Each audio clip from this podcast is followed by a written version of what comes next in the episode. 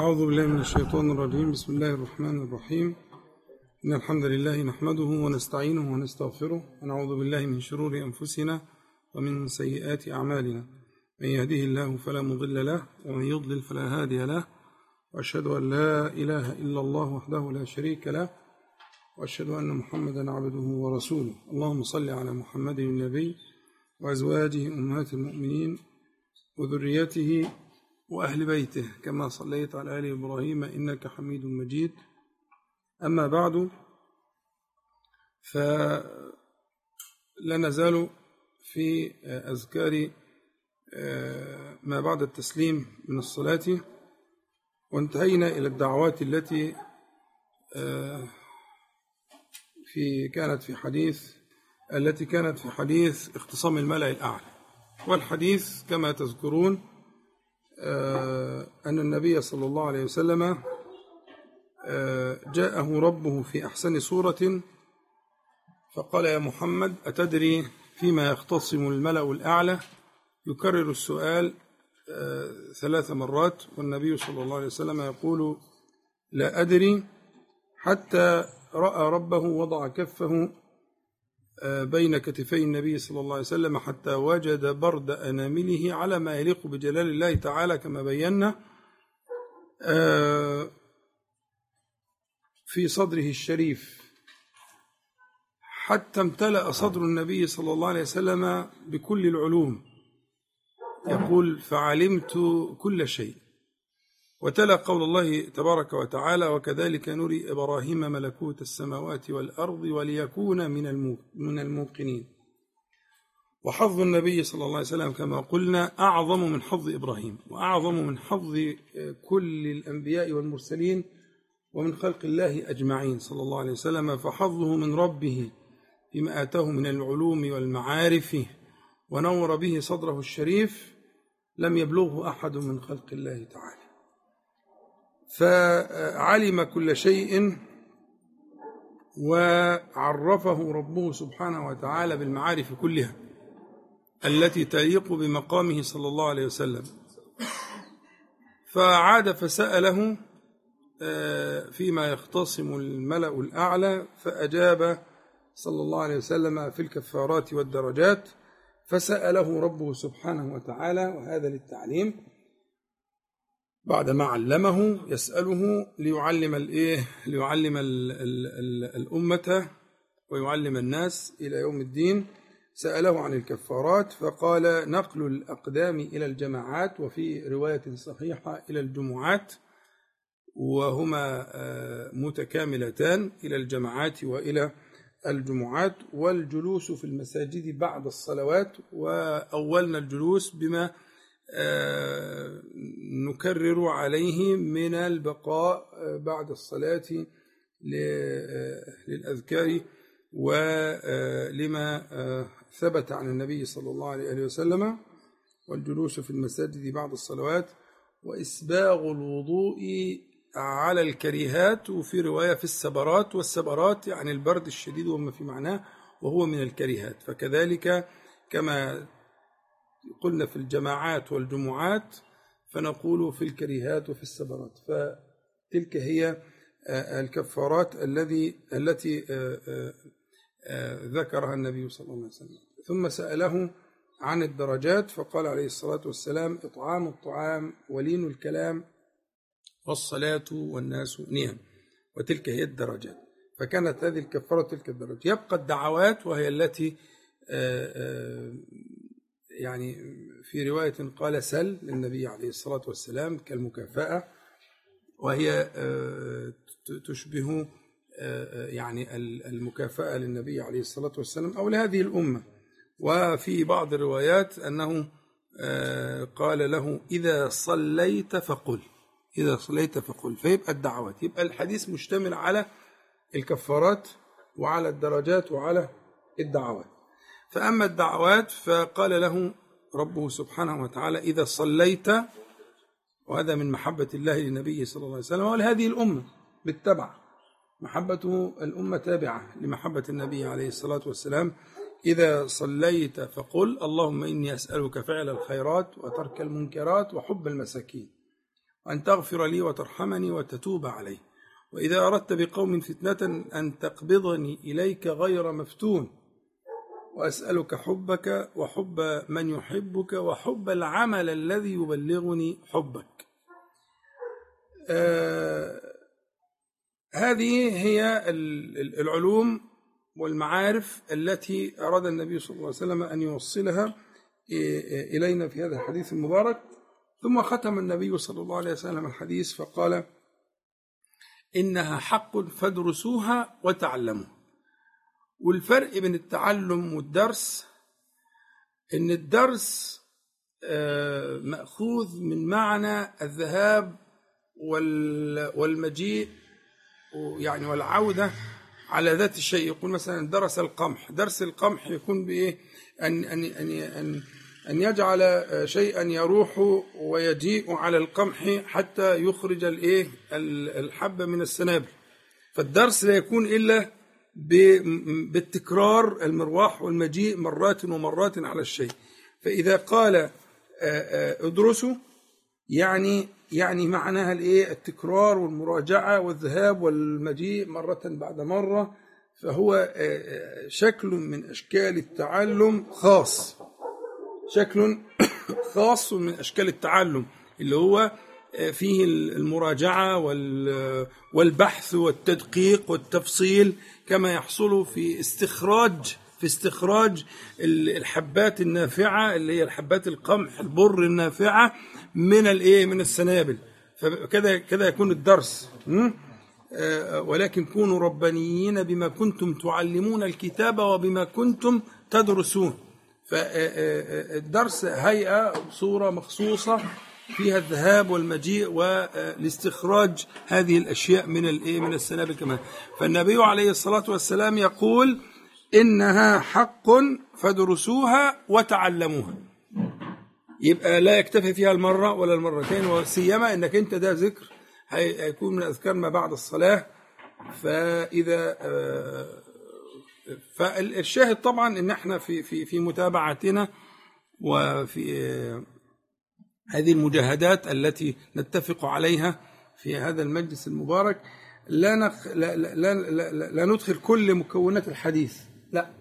عشان ما في حد سأل حاجة زي كده لا لا المقصود أنا أدخل في في الحديث شيئا واحدا اللي هو الذكر الذي يقال بعد الإيه؟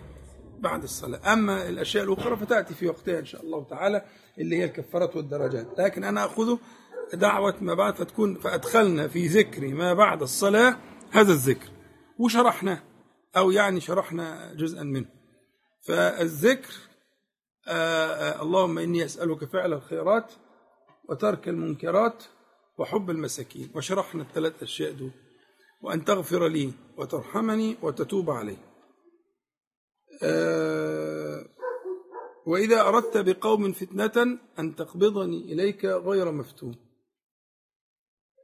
يعني أظن إحنا وقفنا هنا ولا إيه؟ مش كده؟ أو وقفنا هنا يعني الدرس الذي إن شاء الله يبدأ من قوله صلى الله عليه وسلم أسألك حبك. مظبوط؟ أسألك حبك وحب من يحبك وحب العمل الذي يبلغني حبك. طبعا أنت تنتبه أول ما تنتبه طالما اتفقنا أن المسألة فيها درس فيها دراسة يبقى فدرسوها وتعلموها. عايزين ندقق ونفتش في هذه الكلمات النبوية المباركة آه، التي هي من وحي الله تعالى ومن تعليم الله تعالى لنبيه صلى الله عليه وسلم. فأول كلمة أسألك حبك وفي الحقيقة أهل العلم يقولون إن محبة الله تبارك وتعالى للعبد تسبق محبة العبد لله عز وجل. كما قال يحبهم ويحبونه. يا أيها الذين آمنوا من يرتد منكم عن دينه فيساوي الكلام ده خطاب لمين؟ للصحابة الكرام رضي الله عنهم يعني ما فيش حد كبير يعني. ما فيش حد كبير ما فيش حد يركن ويطمئن ويتصور إنه خلاص عدى. الكلام ده مش صحيح. لأن الصحابة خطبوا بهذا أول من خطب بهذا الخطاب هم الصحابة الكرام رضي الله عنهم. يا أيها الذين أمنوا من يرتد منكم عن دينه فسوف يأتي الله بقوم. أول حاجة الأول صفة من صفاتهم قال إيه؟ يحبهم ويحبونه. وفي صفات تانية أذلة على المؤمنين عزة على الكافرين إلى آخر الصفات الجميلة العظيمة. لكن اللي يعنيني هنا الشاهد أنه قال يحبهم ويحبونه. ففي هذه العطاءات الإلهية والفيوضات الربانية تكون البداية آه، آه، آه، من الله تبارك وتعالى سيما في هذا المعنى اللي هو معنى المحبة. فمحبتك لله تبارك وتعالى هي غاية غاية لها من الوسائل ما تبلغ ذلك. ورضاه كذلك يسبق رضاك. كما قال سبحانه وتعالى إيه؟ رضي الله عنهم ورضوا عنه. فهذه الغايات لها وسائل. هتلاقي الوسائل هتلاقي الوسائل في في قوله تعالى فاذكروني أذكركم. فذكر الله تعالى جاء بعد ذكرك أنت له سبحانه وتعالى. فاذكروني. فهي دي الوسائل. يعني إدمان ذكر الله تعالى وتعظيم ذكر الله تعالى والمواظبة على ذكر الله تعالى هي الوسيلة وهي الأداة التي تبلغك أن يحبك وأن يرضى عنك. ولذلك في المحبة وفي الرضا ها قدم سبحانه وتعالى محبته ورضاه. قال يحبهم ويحبونه. رضي الله عنهم ورضوا عنه أما في الذكر فقال فاذكروني أذكركم. هي دي الأدوات وهي دي الوسائل. وما فيش وسيلة أعظم ما فيش وسيلة أعظم تبلغك محبة الله تعالى ورضاه أعظم من ذكر الله تعالى. ما عمل آدمي عملا أنجى له من عذاب الله من ذكر الله تعالى. هم؟ ألا أدلكم على خير أعمالكم وأزكاها عند مليككم وخير لكم من أن تنفقوا الذهب والورق الفضة يعني. وخير لكم من أن تلقوا عدوكم فتضربوا أعناقهم ويضربوا أعناقهم. قلنا بلى. قالوا بلى. يا رسول الله قال ذكر الله. فهنا فاق الذكر سائر الأعمال. ده حين الانفراد يعني جهاد من غير ذكر. نفقة من غير ذكر. فالذكر المنفرد خير من ذلك كله. والحديث صحيح. أعظم الوسائل على الإطلاق التي تبلغك المحبة والرضا هو ذكر الله تعالى. ذكر الله تعالى بالباطن وبالظاهر بالفقه وبالفهم وباللسان. وأن تداوم عليه. وأن تعظمه وأن تدمنه وأن تسمع نفسك وأن تتفكر فيما تقول. خدت بالك؟ فبلوغ محبة الله تعالى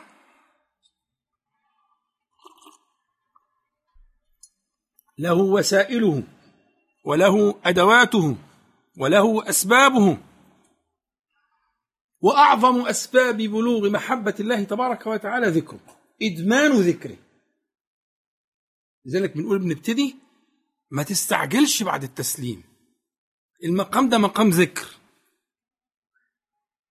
أي شيء ذاك الذي يشغلك؟ تسكين النفس وحبس النفس في هذا المقام هو من تعظيم ذكر الله تعالى. لأن أنت قاعد عشان إيه؟ ما الذي أجلسك؟ ذكر الله. اقعد بقى. تهد هد الشيطان اللي جواك. هد اللي عمال يذكرك ويفكرك طول الصلاة.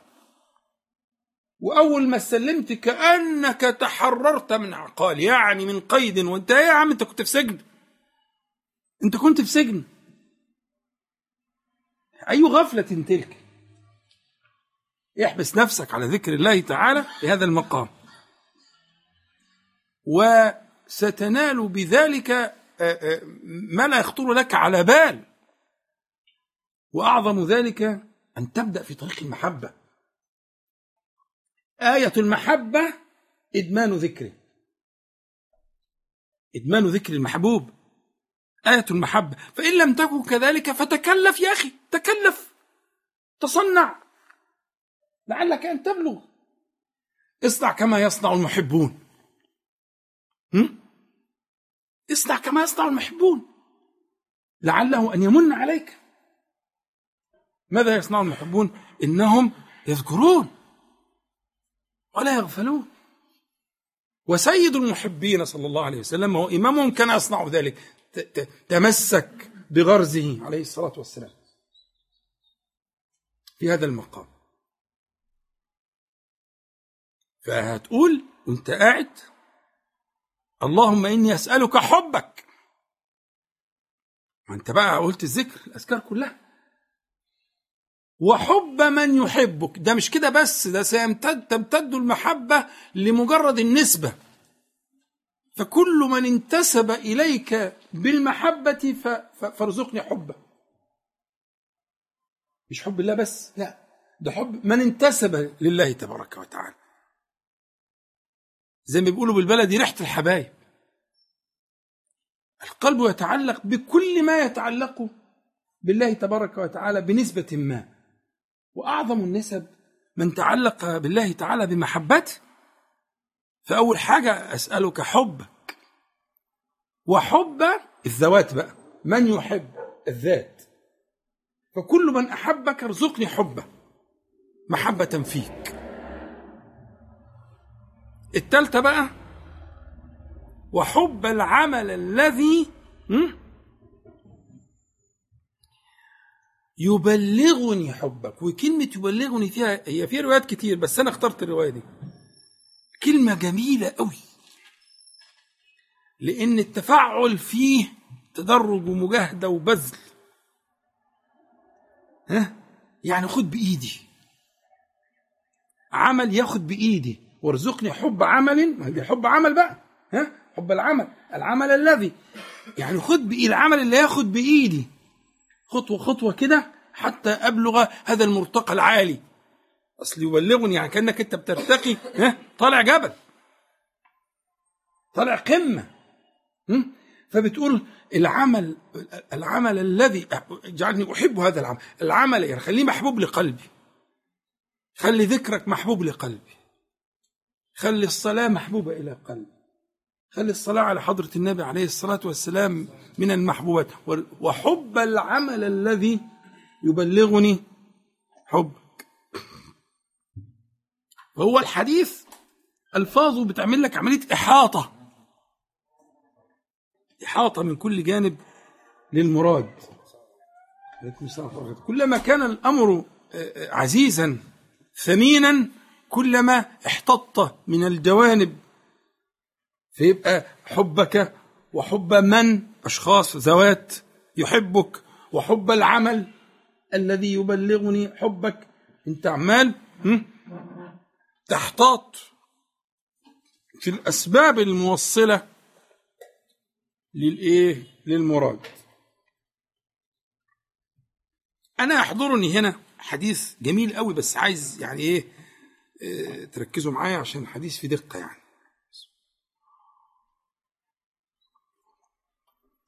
كلام على المحبة كلام واسع. كتير. في كلام شيق وجميل بس المقام مش مناسب يعني.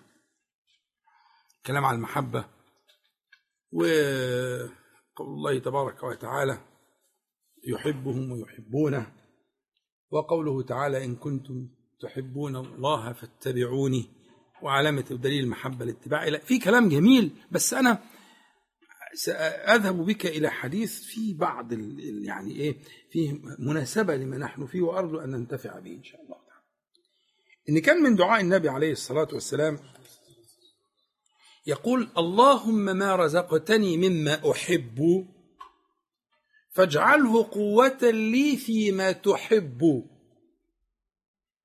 وما زويت عني مما أحب فاجعله فراغا لي فيما تحب.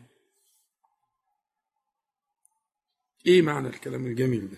ده كلام النبي عليه الصلاة والسلام من دعائه عليه الصلاة والسلام. هو الحديث بيدور في فلك معنى دقيق جدا ومهم جدا. إن هو النبي عليه الصلاة والسلام بيعلمنا طبعا هو بلغ ذلك بلغه لكن بيعلم الأمة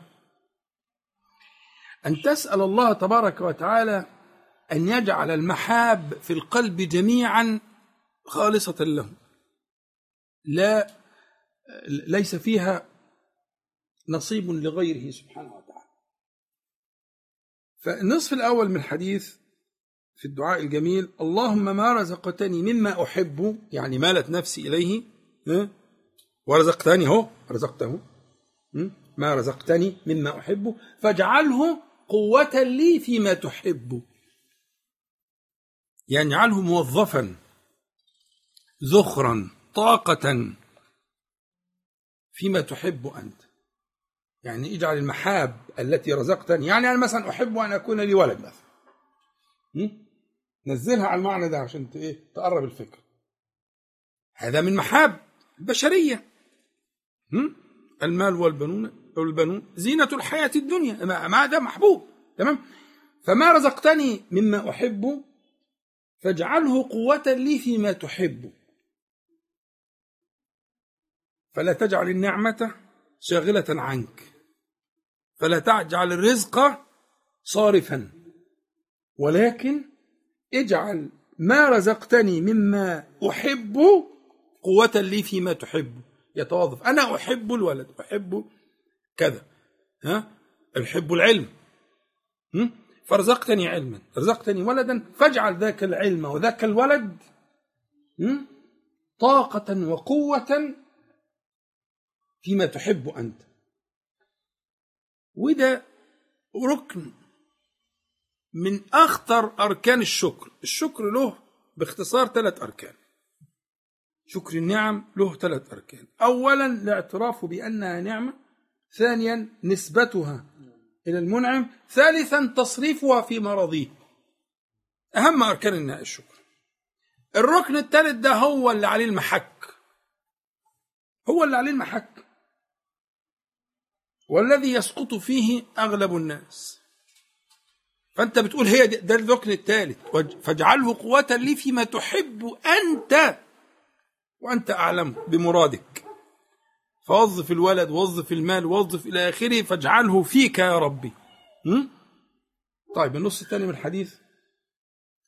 وما زويت عني مما أحب فاجعله فراغا لي فيما تحب. في كلمتين هنا أنا أظن لو واحد دور في في لسان العرب كله لا يجد عنها بديلا. كلمة زويته وكلمة فراغا. الاثنين من أجمل وأبلغ ما يكون. وقد أوتي النبي صلى الله عليه وسلم جوامع الكلم. فالأولانية كلمة زويته عارفين حديث إن الله زوى لي الأرض؟ وإن هذا الأمر سيبلغ ما زوى لي منها؟ الإسلام يعني؟ يعني جمعها له ها؟ للنبي عليه الصلاة والسلام فما زويت عني يعني ما جعلته في زاوية أو في ناحية وأنا لا أصل إليه. هو مش غايب. مش وما أخفيته. لا. لا. أنت عينك عليه وأنت شايفه. هو شغلك. خلي بالك. ما هو اصل هو لو مش شغلك مش هيدخل في المعنى اللي إحنا بنتكلم فيه. ده هو أصله وجماله وحلاوته إنه شغلك. ومش لازم يكون حرام. ده ممكن يكون مباح ممكن يكون أكتر من مباح كمان. خلاص؟ لكن علمك ودرايتك بحالك أنت لا تدري ما ما ما يصير إليه حالك إذا ما رزقت ذلك. فالله تعالى زوى ذلك عنك. بس عينك عليه. خد المثل اللي إحنا قلناه الولد. اللي محروم من الولد. هي عينه عليه. وكل ما يشوف عيل وكل ما يشوف مش عارف إيه وكل ما يسمع خبر. و... ها؟ وما زويت عني مما أحب. م? يقول إيه عليه الصلاة والسلام؟ فاجعله فراغا لي فيما تحب. يعني هذا فرغ قلبي فراغا يعني في القلب. لأن الأصل أصل الجوارح حركة الجوارح هي تابعة لما في القلب. ففرغ قلبي عن ميل لا يكون لما لا تحب. فأنت أعلم بي مني وأنت أعلم بما يؤول إليه حالي. وأنت العليم القدير. فإنك تقدر ولا أقدر وتعلم ولا أعلم وأنت علام الغيوب. فاجعله فراغا ففرغ قلبي. فالحديث الحقيقة بدوامع الكلم دوامع كلم النبي عليه الصلاة والسلام يبلغك هذا المراد من من أجمل وأقرب طريق. أن أن فمن أراد أن يضيفه للدعاء يعني فما أجمله فما أجمله توظيف للمحاب سواء الموجود أو المفقود. في توظيف للمحبة الموجودة والمفقودة. الحديث بيوظف الموجود والمفقود. اللهم ما رزقتني مما أحب فاجعله قوة لي فيما تحب. ده الموجود المفقود. وما زويت عني مما أحب فاجعله فراغا لي فيما تحب. من أجمل ما يكون في توظيف وظيفة المحبة في القلب. اللهم إني أسألك حبك حب من يحبك وحب العمل الذي يبلغني حبك. انتهى الحديث. إنها حق فادرسوها وتعلموها. بقي آه ذكر أخير نختم به إن شاء الله. نختم بالنصف الأول يعني من الدرس. آه اللي هو الحديث اللي إحنا قلنا حديث عليه اللي إحنا اهتمينا بيه جدا وهذا الحديث عند مسلم وان هو من الأشياء التي تكررت قبل التسليم وبعد التسليم فعايزين نقف مع وقفة يعني تناسب مقامه يعني. النبي عليه الصلاة والسلام علم عليا وعليا علم الأمة صلى الله عليه وسلم. اللهم اغفر لي ما قدمت وما أخرت وما أسررت وما أعلنت وما أسرفت وما أنت أعلم به مني. أنت المقدم وأنت المؤخر. لا إله إلا صح؟ تمام. زي الفل. دي الحاجات اللي إحنا متفقين عليها. تعال لي بقى. أنت لو درست الجهات هتلاقيهم أربعة. أربع جهات الجهة الأولى ما قدمت وما أخرت. والجهة الثانية ما أسررت وما أعلنت. والجهة الثالثة ما أسرفت. والجهة الرابعة ما أنت أعلم به مني. فأنت تلاحظ أنه أنت طلب المغفرة هنا يدور على أربع محاور. المحور الأول ما قدمت وما أخرت. ما قدمت مفهومة. لكن العجيبة اللي ما بنتبهش لها اللي بيقول ما أخرته عارفين ما أخرته يعني إيه؟ لسه ما جاش. اللي لسه ما جاش. ليغفر الله لك ما تقدم من ذنبك ها؟ سورة الفتح. وما تأخر ما تأخر لسه ما جاش. فأنت بتقول إيه؟ اللهم اغفر لي ما قدمت وما أخرت. ده إيه ده؟ ده إيه الإدلال على الله تعالى ده؟ ده النبي عليه الصلاة والسلام بيعلمك حاجة غريبة جدا حاجة عجيبة جدا. أنت مش منتبه لها تقول ما قدمت وما أخرته يعني كأنه يقع مغفورا له. اللهم اغفر لي ما قدمت وما أخرت. هذا إدلال على الله تعالى. طيب.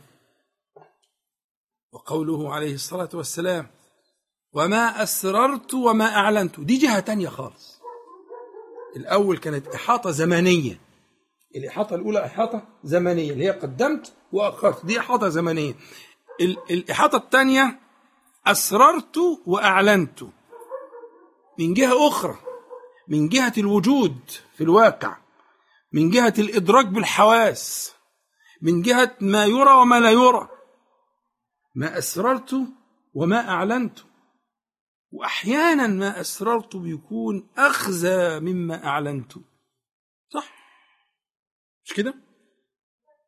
ربما يكون من من من جنايات السر ما هو أخطر. ولذلك ربنا سبحانه وتعالى قال وذروا ظاهر, ظاهر الإثم وباطنه. إن باطن الإثم لا يقل خطرا بل ربما يزيد ويكون فتاكا. هم؟ وده يحتاج يعني ممكن يحتاج لقاء مستقل يعني اللي هي فكرة بواطن الإثم. لكن عموما الشاهد هنا أنت تسأل المغفرة وما أسررت وما أعلنت. فده جهة أخرى من جهات الإحاطة. لأن النبي عليه الصلاة والسلام أراد بهذا الدعاء اللي أنت بتقوله قبل التسليم وتقوله بعد التسليم. هذا الدعاء أراد أن يحيط الإيه؟ يحيطك بسياج المغفرة. بسياج المغفرة. قدمت وأخرت. أنت شفت العجب اللي فيها؟ فأخرت وأسررت وأعلنت. الجهة الثالثة بقى أسرفت. وما أسرفت. وأنا قلت لك نبهتك قلت لك لازم تنتبه لضم التاء. حتى لا تخطئ يعني. لازم تضم التاء كده وتتأكد من ضمها إحنا اتفقنا إحنا لازم نسمع أنفسنا. ها؟ أسرفت. متكلم. حلو قوي وما أسرفت. فهي ضمنا اعتراف بالإسراف. ومن منا لم يسرف؟ على نفسه. كلنا يعلم ذاك من نفسه. الحقيقة فهي تكرار للطلب في مغفرة الإسراف. ما أسرفت فيه ما جاوزت فيه الحد. فهذه جهة ثالثة للإحاطة في النوع في المقدار في المقدار. ثم الجهة الرابعة وما أنت أعلم به مني. وهذا كثير. إما للغفلة النسيان أحصاه الله ونسوه.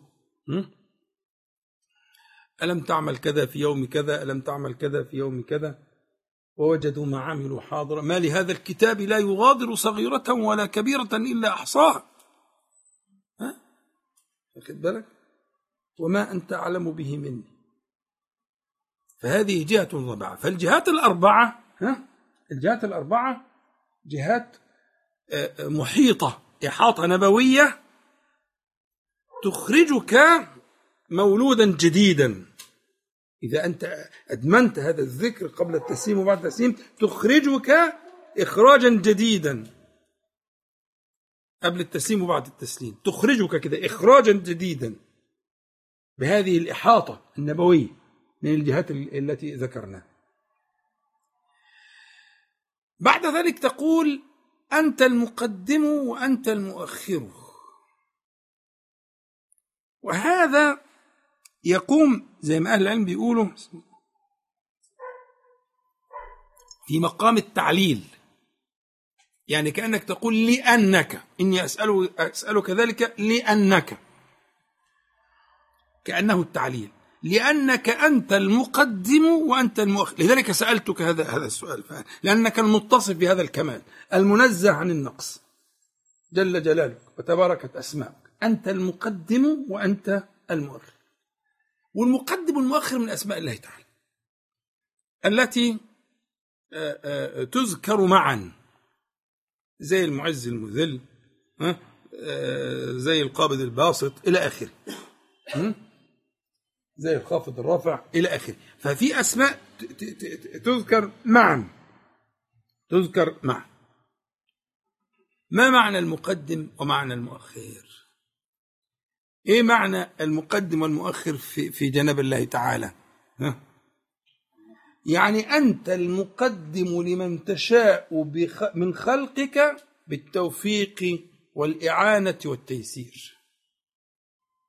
وأنت المؤخر لمن تشاء من خلقك بالخذلان والتعسير. هي دي كده دي معناها كده.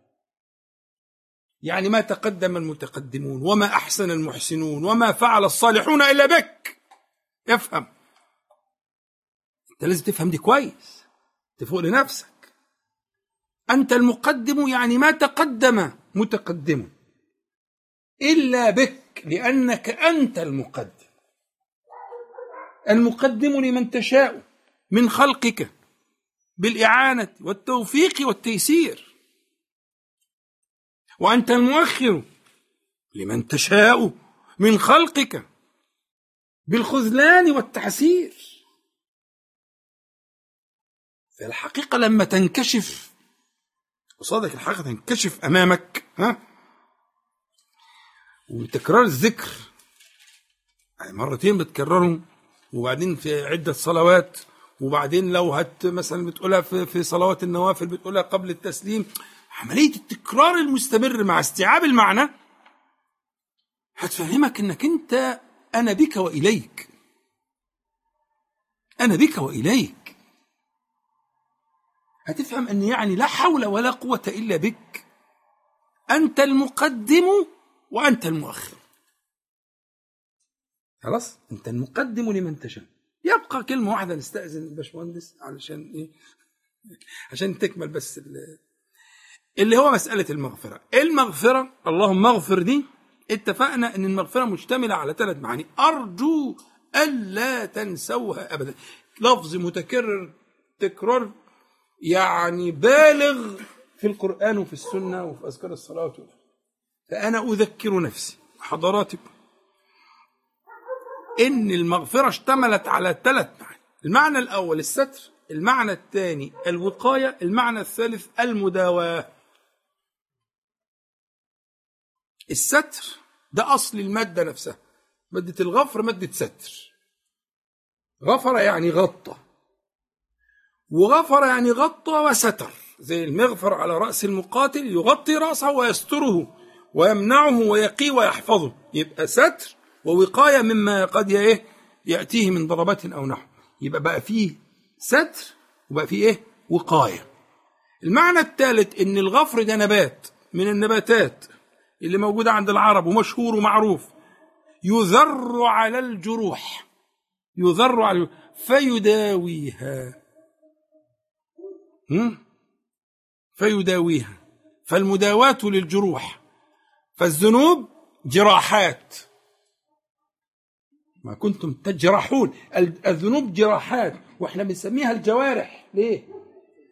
مش الجرح دي مش النسر والبتاع. لا الجوارح دي عينك. الجوارح دي لسانك. اللي عايز تقويم. ها؟ الجوارح دي إنما سميت الجوارح كذلك لأنها تجرح. وعلى فكرة أول ما تجرح تجرحك أنت. ما تفتكرش ان أقول لك تجرح تجرح غيرك؟ لا لا لا لا لا لا لا لا لا, لا. إنما تجرحك أنت. تجرح قلبك. تجرح الصفاء اللي ربنا خلقك عليه. الفطرة الطاهرة النقية التوحيد الإيمان. عينك تجرحك قبل أن تجرح غيرك. لسانك يجرحك قبل أن يجرح غيرك. إنها الجوارح فلما أقول الغفر أقول لك مداواة. آه مداواة. مداواة لجراح الذنوب. ووقاية من أثرها الذنب من الذنب يعني الديل يعني الذي يتبعك فلا زالك فأثر الذنب باق. الذنوب أثرها باق. هي ساعة ضعف وحصل فيها اللي حصل ولكن أثرها باق. من ذا الذي يقدر على إزالة ذلك؟ والوقاية من أثره. لا يقدر على ذلك إلا هو سبحانه وتعالى. فبتقول في اغفر دي معناها قني قني. هذه الآثار. يبقى الستر والوقاية والمداواة. كل ما تقول اغفر استحضر المعنى ده. اغفر اغفر حتما تغفر. فإن لم تغفر فمن يغفر. من يغفر. ولذلك يرضى ربنا حينما يقول العبد إنه لا يغفر الذنوب إلا أنت. هذا مما يرضيه سبحانه وتعالى. إنه لا يغفر الذنوب إلا أنت. لا يقدر على ذلك غيرك. هنا الغفر بقى بالمعنى اللي قلت لك عليه. مش المعنى الإزالة والستر لا معنى أكبر من كده. إنه لا يغفر الذنوب يعني لا يقدر على سترها إلا أنت. لا يقدر على الوقاية من أثرها الآن. لا يقدر على مداواة جراحها ها إلا أنت. استحضر. كلمة بتقولها عشرات المرات في اليوم والليلة. وأنت في ذهول عن معناها والحقيقة إن محل نظر الله تعالى الأول إلى قلبك. إذا كان قلبك يشهد كل ما بعد ذلك يأخذ من بركة هذا الشهود. لكن لو قلب لاهن ولا غافل آه مسكين. آه مسكين. لغاية ما هناك تسقط عنه الفريضة. لكن ال ال ال القلب الذي يشهد سيدخل هذه الأفنان ويلج هذه الجنان ويحصل فيها من الرزق ما لا يعلمه إلا الله تبارك وتعالى الملك العلام جل جلاله. يبقى إحنا آخر ذكر داخل في المتابعات والمجاهدات. اللهم اغفر لي ما قدمت وما أخرت وما أسررت وما أعلنت وما أسرفت وما أنت أعلم به مني. أنت المقدم وأنت المؤخر لا إله إلا أنت. نسأل الله تعالى أن ينفعنا بما قلنا وما سمعنا وأن يجعل حجة لنا لا علينا ربنا. اللهم صل على محمد النبي وأزواجه أمهات المؤمنين وذريته وأهل بيته كما صليت على آله